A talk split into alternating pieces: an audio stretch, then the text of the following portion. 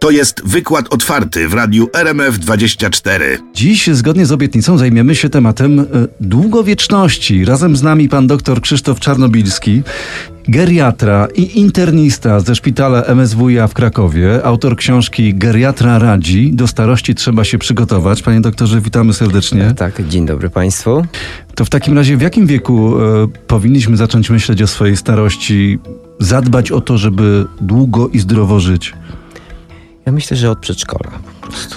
Tak, to, to wtedy zaczę, powinniśmy zacząć myśleć. To na, czasem właśnie to chodzi o odpowiedzialność w stosunku do naszych dzieci, naszych wnuków. Bo jeżeli oni będą aktywni, będą ćwiczyć na WF-ie, będą y, rozwijać zainteresowania, to to będzie procentować w przyszłości. I jak popatrzymy na taki wykres, którym będzie zależność właśnie y, długości trwania życia i sprawności fizycznej, to nasza sprawność tak rośnie, tak powyżej 20 lat jest osiąga maksimum. Później niestety ta sprawność stopniowo z wiekiem się obniża, ale praktycznie nie powinna osiągnąć tego stopnia niepełnosprawności, tego poziomu niepełnosprawności. Y, tą krzywą możemy zmieniać właśnie, jeżeli będziemy ćwiczyć, jeżeli nasze dzieci, wnuki będą ćwiczyć w dzieciństwie, będą sprawne fizycznie, to ta krzywa już zmieni swoją trajektorię, a więc praktycznie no, będziemy dłużej żyć. No, to jest udowodnione naukowo. Mhm. To e, ja myślałem, panie doktorze, że jak zaczniemy dbać o siebie w wieku 20, 30 lat, ale tak solidnie, to może nam wtedy pomóc w tym, żeby wydłużyć swoje Tak, życie. A tu pan doktor mówi już, rodzice muszą zadbać o dzieci w przedszkolu. Dokładnie. Nigdy nie jest za późno. Nawet gdy jeżeli zaczniemy być aktywni po 50 czy po 60, to też tą krzywą przesuwamy bardziej na prawo i będziemy żyć dłużej. Ale jeżeli chcemy naprawdę yy, to zrobić, to zacznijmy od przedszkola, jak wspomniałem. Drodzy rodzice, pamiętajmy o tym. A panie doktorze, co decyduje o długowieczności? Jakie czynniki? Bo często się słyszy na przykład, że e, środowisko, w którym żyjemy, to jest podstawa, że, że spokój, że odpowiedni relaks, przede wszystkim brak stresu, no i e, dobre, czytaj, e, właściwe odżywianie. To co decyduje o tej Oj, długowieczności? tu jest, tu jest bardzo wiele różnych czynników. To, to nie jest jeden czynnik. ja zawsze staram się rozmawiać z pacjentami. Jak przychodzi do mnie pacjent y, w świetnej kondycji, a ma już prawie 100 lat, to staram się dowiedzieć, y, jak to się stało, że on dożył tych 100 lat, bo uczę się od pacjentów. I, I jedni I mówią, mówią? że palą papierosy, drudzy mówią, że nie palą. Jedni mówią, że czasem jakiegoś drinka, drudzy, że nie. Y, Odżywianie też to różnie bywa, ale jest jeden wspólny element tutaj, który się powtarza. To jest ruch. Ruch. Na przykład no, mieszkałam, czy mieszkałam na czwartym piętrze nie było windy i dlatego byłam, czy byłem zmuszony do chodzenia na piechotę codziennie na zakupy. Yy, albo, no, że nie używam nigdy windy, bo mam to już w swoich genach, można powiedzieć. Więc ten element się przejawia jako wspólny element, więc już możemy powiedzieć, że to jest ten priorytet. Czyli ruch to podstawa, tak? Tak, to jest podstawa. No i teraz możemy dodawać różne tutaj rzeczy. Oczywiście dieta. Yy, zresztą jak popatrzymy na to, co wpływa na nasze zdrowie, to yy, w 50% w ogóle to zależy od nas samych. 20% to są tylko geny, bo ktoś mówi, że no dobrze, ale u mnie w rodzinie yy, są takie, takie choroby, więc ja nie mam szans. No nieprawda, to jest tylko 20%. W połowie zależy od nas. 20% to środowisko, czy żyjemy w takim, czy zanieczyszczonym środowiskiem. Okazuje się, że 10% to tylko jest organizacja ochrony zdrowia nawet. A więc od nas samych zależy, czy będziemy zdrowi, czy będziemy długo żyć. Mhm. Panie doktorze, to w swojej karierze ilu stulatków pan e, spotkał? No wielu. Wielu i zawsze mm, starałem się z nimi rozmawiać, właśnie tych aktywnych takich stulatków, którzy Teraz spotykam stulatków, którzy świetnie posługują się komputerami, są bardzo aktywni yy, właśnie ruchowo, intelektualnie również. Czyli to też kolejny bardzo ważny element, czyli żeby zadbać o to, żeby nasz mózg e, pracował e, właściwie i żeby ciągle był czymś zajęty, prawda? No bo to, e, to że interesują się komputerami, prawdopodobnie też e, ci stulatkowie też świetnie obsługują smartfony, czyli po prostu starają się iść do przodu, nie, nie zostają w tyle, to im pomaga. Tak, to są nowocześni już stulatkowie. Teraz wchodzimy w taką erę, gdzie możemy korzystać ze zdobyczy współczesnej techniki i to wykorzystać do przedłużania życia. E, Oby tylko skutecznie. Panie doktorze, mm, czy istnieje coś takiego jak gen długowieczności i ktoś, kto ma predyspozycję do tego, żeby dożyć w zdrowiu 100 lat i więcej? To znaczy, mówi się też o genach, tak. Jest taka poligeniczna teoria, są pewne geny związane z długowiecznością, yy, które, yy, taki gen Cleotio, który mm, jego polimorfizm jest związany z długowiecznością i na przykład brakiem zespołów otępiennych. Jest szereg różnych, tak bardzo trudne nazwy, nie będę wymieniał, ale no, to są sprawy już nauki, yy, mhm. badania genomów, yy, ale jest taka korelacja oczywiście. Mhm. A y, czy możemy wskazać kogoś y, albo któryś rejon w Polsce, który na przykład ma u siebie bardzo dużo stulatków, dużo więcej niż w jakichś innych regionach? Są takie regiony w Polsce? No tak, to taka ciekawostka właśnie, bo jesteśmy tu w Małopolsce. Okazuje mhm. się, że w Małopolsce żyje się najdłużej. Są takie dane, które mówią, że w Krakowie właśnie najbardziej i w ogóle w Małopolsce. No dlaczego? Zaraz, zaraz, panie doktorze, przecież się mówi, że ten Kraków jest taki zanieczyszczony, że w zimie ten obważanek krakowski robi nam tyle szkody, a pan doktor mówi, że w Krakowie między innymi i w Małopolsce ludzie żyją najdłużej. No, nie jest to jakoś bardzo duża różnica, ale jeżeli będzie czyste powietrze, to myślę, że ta różnica będzie dużo większa. To nie ulega wątpliwości, bo jednak wpływ zanieczyszczenia jest tutaj znaczący i na występowanie mhm. chorób, więc tu nie możemy tego negować. A to, że się żyje na dłużej, to są jeszcze inne czynniki. Ja myślę, że mhm. w Krakowie jest dużo seniorów bardzo aktywnych, dużo y, y, organizacji senioralnych, które organizują zajęcia, klubów seniora. Mm, często spotykam tu aktywnych seniorów na wykładach. To są tłumy, y, które przychodzą na takie prelekcje, y, w zasadzie zadają pytania y, chciałbym, żeby moi studenci, na przykład, bo też zajmuję się, uczę geriatrii studentów, właśnie byli tak aktywni jak seniorzy na wykładach. Czyli e, po raz kolejny wracamy do tego, żeby nie zamykać się w domu na stare lata, tylko po prostu być aktywnym, nie tylko fizycznie, ale też i intelektualnie. Spotykać się z ludźmi, może to też jest kolejny czynnik, żeby w swoim środowisku się spotykać, rozmawiać, że ta bliskość, tak. ten kontakt jest też bardzo ważny. Zresztą senior właśnie potrzebuje kontaktu z drugim człowiekiem. Y, no, dla przykładu y, spotkałem się w Niemczech, y, będąc w takim ośrodku, w Gitterschloch, takim miasteczku, gdzie y, właśnie jest dużo ludzi starszych i tam mhm. o nich odpowiednio zadbano. Na przykład na osiedlach y, znajdują się domy seniora, domy pobytu dziennego, całodobowego. I co ciekawe, one są na osiedlach. One są na osiedlach, tam gdzie mieszkają inni ludzie. I mało tego. Łatwość dostępu. Tak, za ogrodzeniem jest przedszkole. Y, więc jest integracja międzypokoleniowa. Więc ci seniorzy, którzy już muszą y, przejść ze swoich mieszkań y, po prostu, bo zostają sami, to przechodzą do takich ośrodków, gdzie, są, gdzie jest integracja, gdzie jest integracja społeczna, integracja międzypokoleniowa. To jest też bardzo ważne, bo teraz u nas w Polsce kiedyś mieliśmy te rodziny wielopokoleniowe, zresztą dowodem na to, jak jeździmy jeszcze, widzimy te domy, których jest kilka pięter dla wnuków, prawnuków, ale to, to nie zdało egzaminu. Niestety, zmienił się system.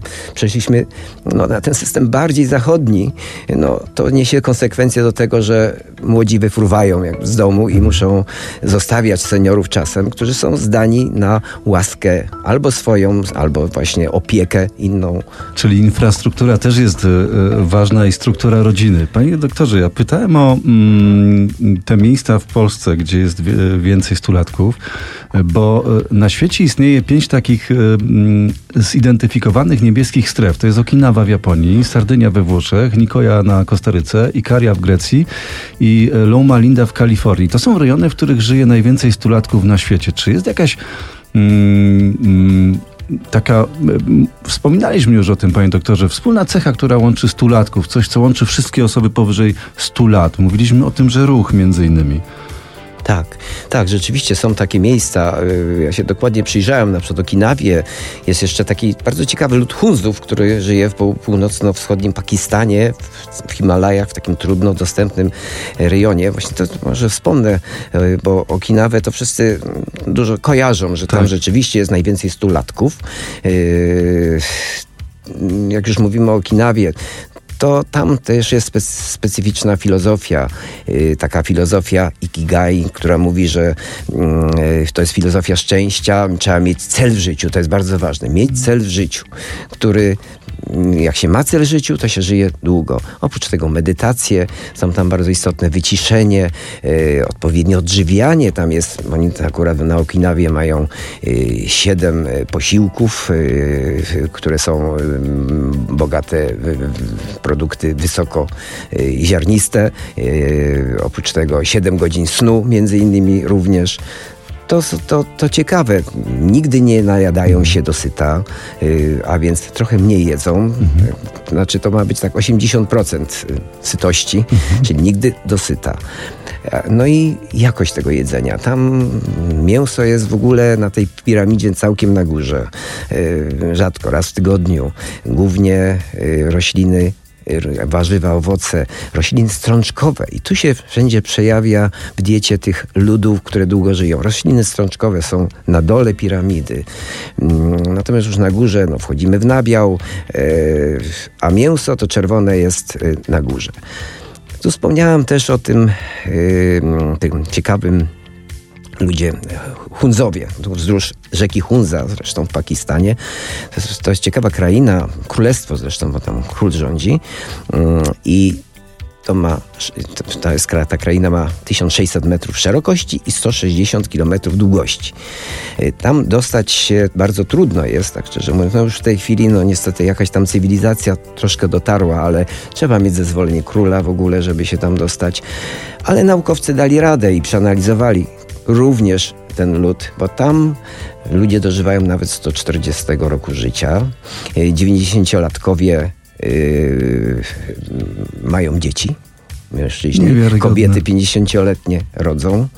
Yy, no, ale to wszystko związane jest właśnie też z ruchem. Oni pracują cały dzień, cały dzień w polu. Przechodzą i to wydaje się nieprawdopodobnie 20 kilometrów, 30 po tych skalistych ścieżkach. No a przede wszystkim właśnie to, co mówiłem, no spokój. Tam nie ma przestępstw, tam nie ma tych y, takich niekorzystnych cech, które się uwypuklają, y, zazdrości, jakiejś y, agresji. Oni żyją w harmonii z przyrodą. Y, Dieta. No dieta nam, że dużo warzyw, owoców, morele właśnie, jest bardzo charakterystyczne dla ludów Hunzów, więc warto je chyba spożywać, głównie suszone. Y, No, mięso jedzą wtedy, kiedy y, ich zwierzę, na przykład tam koza załóżmy, czy, czy, czy drób, ale już są bardzo stare i muszą niestety to zwierzę zabić, to wtedy zjadają. To na jest kilka bardzo, lat. Tak, to jest okazyjnie od święta, tak szczerze mówiąc. I może jeszcze mają mądrego króla. Czyli y, jedziemy w Himalaje i jemy morele. Trwa wykład otwarty w radiu RMF24. E, Dzisiaj zajmujemy się tematem długowieczności. Z nami dr Krzysztof Czarnobilski, geriatra i internista ze szpitala MSWiA w Krakowie. Autor książki e, Geriatra radzi. Do starości trzeba się przygotować. Panie doktorze, przeczytałem, że mm, tym, co najsilniej łączy stulatków z tych niebieskich stref, o których wspominaliśmy, jest, e, no właśnie, praca na świeżym powietrzu, ogrodnictwo, rolnictwo lub pasterstwo. Czyli w takim razie wystarczy, że mm, będziemy mieli działkę pod miastem albo życie na wsi i, i będą nam śpiewać 200 lat? Nie, to jest jeden z elementów prawda, tego wszystkiego. Tak mówię, to, to jest wiele czynników. Dobrze, korzystnie mieć działkę, korzystnie mieć cel, bo jeżeli ktoś już przechodzi na emeryturę i, i, i- już nie może pracować, no to musi mieć cel. Właśnie ten cel w życiu może to być uprawianie działki. Albo wnuki. Ym, Albo wnuki. Cokolwiek, co motywuje. Ja zawsze też radzę seniorom, jeżeli mogą pracować, to żeby pracowali najdłużej. No, oczywiście są zawody, gdzie się nie da i trzeba przejść na emeryturę, ale są zawody, gdzie warto wykorzystać swoje doświadczenie i wiedzę i pracować jak najdłużej. No, tak w przypadku lekarzy. Lekarze zazwyczaj pracują, można powiedzieć, do śmierci w cudzysłowie. Jak najdłużej, panie doktorze, czego panu serdecznie i wszystkim lekarzom e, życzymy. Czy my Polacy żyjemy długo? E, Jak się ma nasza długość życia do tej światowej? Na którym miejscu jesteśmy? To znaczy, jeżeli chodzi w ogóle długość życia, to y, jesteśmy w średniej europejskiej, jeżeli chodzi o długość życia. No bo średnio po ukończeniu 65 roku kobieta ma szansę żyć 20 lat, mężczyzna około 16 lat. Tylko pytanie, co to za życie? Właśnie o to tylko chodzi. I teraz, jeżeli weźmiemy inną statystykę, życie po 65 roku w zdrowiu. I okazuje się, tu niestety jest z nami troszkę gorzej w Polsce, bo w tym zdrowiu żyjemy tylko średnio około 8 lat. Jesteśmy troszkę poniżej średniej europejskiej, ale są kraje, na przykład jak Szwecja, gdzie życie w zdrowiu po 65 roku to jest 16 lat. No więc y, można, można stworzyć system, można warunki stworzyć, żeby żyło się dłużej. A to jest wieloczynnikowe. Panie doktorze, jak powinna wyglądać nasza jesień życia, tak żeby właśnie najdłużej zachować to zdrowie? No tak mówię, aktywno, aktywność pod każdym względem ruchowym, intelektualnym, odpowiednio się odzywia, odżywiać. No, jest taki też fenotyp, mówimy, czyli wygląd jakby stulatka, tak określony. No to, że ma małą liczbę chorób, ma niskie ciśnienie, yy, na skórze nie ma żadnych zmian starczych. No właśnie to jest bardzo charakterystyczne. Jak ja widzę pacjenta, który ma piękną cerę, o, to znaczy, że to jest dobry kandydat już na stulatka. E, oprócz tego są też takie metaboliczne wskaźniki, jak e, dobra tolerancja glukozy, brak insulinooporności, niski poziom cholesterolu, e, wysoki poziom TSH, tego hormonu wydzielanego przez przysadkę. Zresztą taki fenotyp stulatka jest podobny do też fenotypu osób już młodszych, którzy stosują na przykład głodówki. To jest taka ciekawość. Taka ciekawostka. Mm, to oznacza, że nie powinniśmy się przejadać. Powinniśmy jeść bardzo e, wartościowo, ale, e, ale mniej. Głodówka taka na przykład kilkudniowa, taka prawdziwa, że, że jesteśmy o samej wodzie, też pomaga, czy, czy nie? To znaczy, o ile wiem, niektóre właśnie ludy długo żyjące stosują coś takiego, no może nie wielodniowe, ale takie oczyszczające, tak w cudzysłowie, właśnie między innymi robią to Huzowie.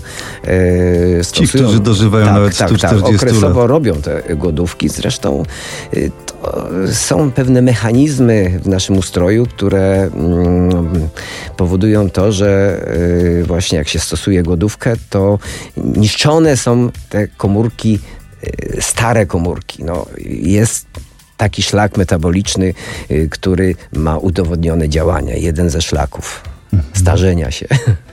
Oby zawsze w jak najlepszej kondycji.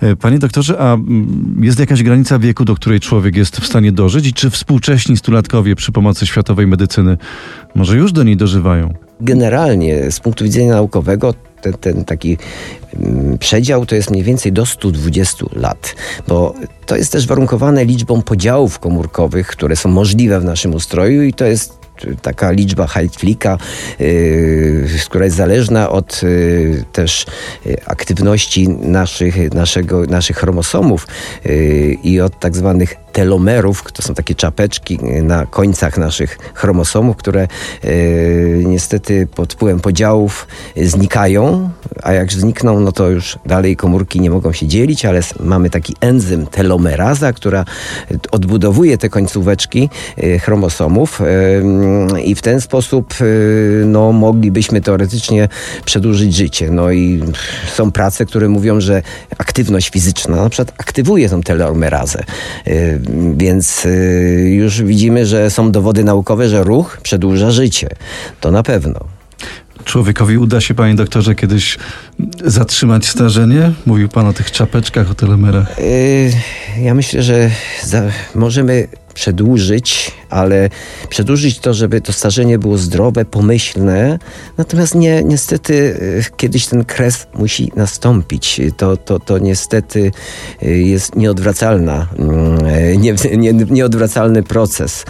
Niestety są próby, no, no nie ma eliksiru młodości, yy, są różne czynniki, no, są też pewne leki, robi się różne badania, są leki, które nazywają się senolitykami, czyli te, które niby hamują y, proces starzenia, ale okazuje się, że te leki mają też tak działanie uboczne, że raczej będą skracać, a w, teorii one przedłużają.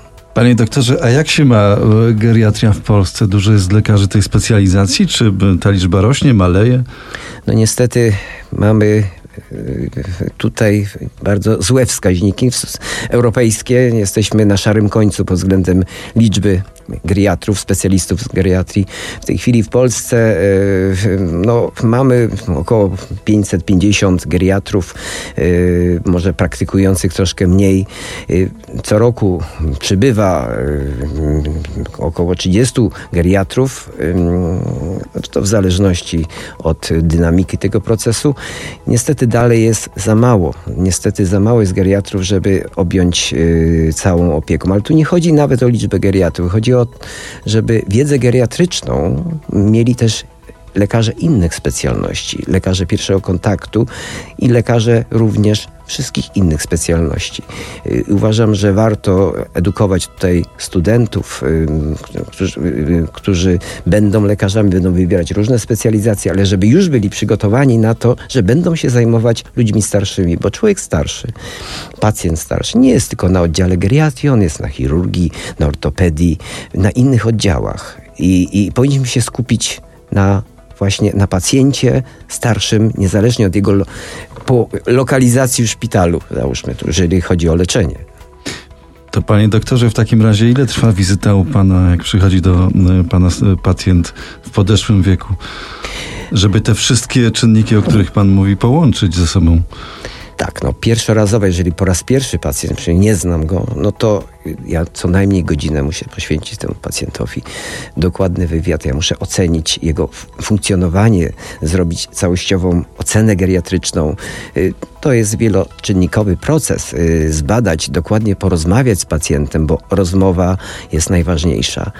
Co ciekawe, no ja staram się y, nigdy, y, znaczy staram się nie przepisywać nawet dodatkowych leków, dlatego że y, pacjenci przychodzą do mnie już z garścią różnych leków. Jest ich nieraz kilkanaście albo jeszcze więcej. Y, to jest problem politerapii, również polipragmazji, która za tym idzie. Najczęściej skreślam leki, a nie przepisuję nowych. Czasem przepisuję, owszem, ale mm, wiem, że przepisując nowe leki mogę tylko nasilić tą politerapię i, i spowodować dodatkowe interakcje. No a na tej kolejnej wizycie, no to muszę, to minimum jest pół godziny. Senior potrzebuje rozmowy, przede wszystkim wyjaśnienia i omówienia jego problemów. Czyli jest pan również psychologiem też. Geriatra musi być psychologiem również, bo to jest taka specjalizacja. Panie doktorze, to już tak na zakończenie, jaki jest Pana przepis na długowieczność? Co Pan mówi swoim pacjentom, żeby długo żyli? No staram się im różne elementy przeanalizować, dać im tak zwaną receptę na długowieczność. Tylko to, to nie jest recepta y, taka przepisana, że ja przepisuję leki, bo ja, jak wspomniałam, ja je skreślam zazwyczaj. To jest recepta, która składa się z kilku różnych czynników, jak dieta, jak sposób na życie, yy, co ma robić. Ja to staram się nieraz napisać, nawet na kartce seniorowi, właśnie stworzyć mu taką receptę, yy, dostosowaną oczywiście do danego pacjenta, bo nie ma dwóch jednakowych pacjentów. To nie jest szablon. Receptę trzeba tworzyć na bieżąco, dostosowując ją do danego pacjenta. Nie ma dwóch jednakowych pacjentów i dwóch jednakowych ludzi, osobowości na świecie. Pacjenci się stosują do tego pana? Różnie to bywa. Y, no to omawiamy to na kolejnych wizytach. Bardzo panu dziękuję za rozmowę. Gościem e, Radia RMF24 w wykładzie otwarty był pan dr Krzysztof Czarnobilski, geriatra i internista ze szpitala MSWiA w Krakowie. Autor książki Geriatra radzi, do starości trzeba się przygotować. Jeszcze raz panu serdecznie dziękuję. Bardzo dziękuję.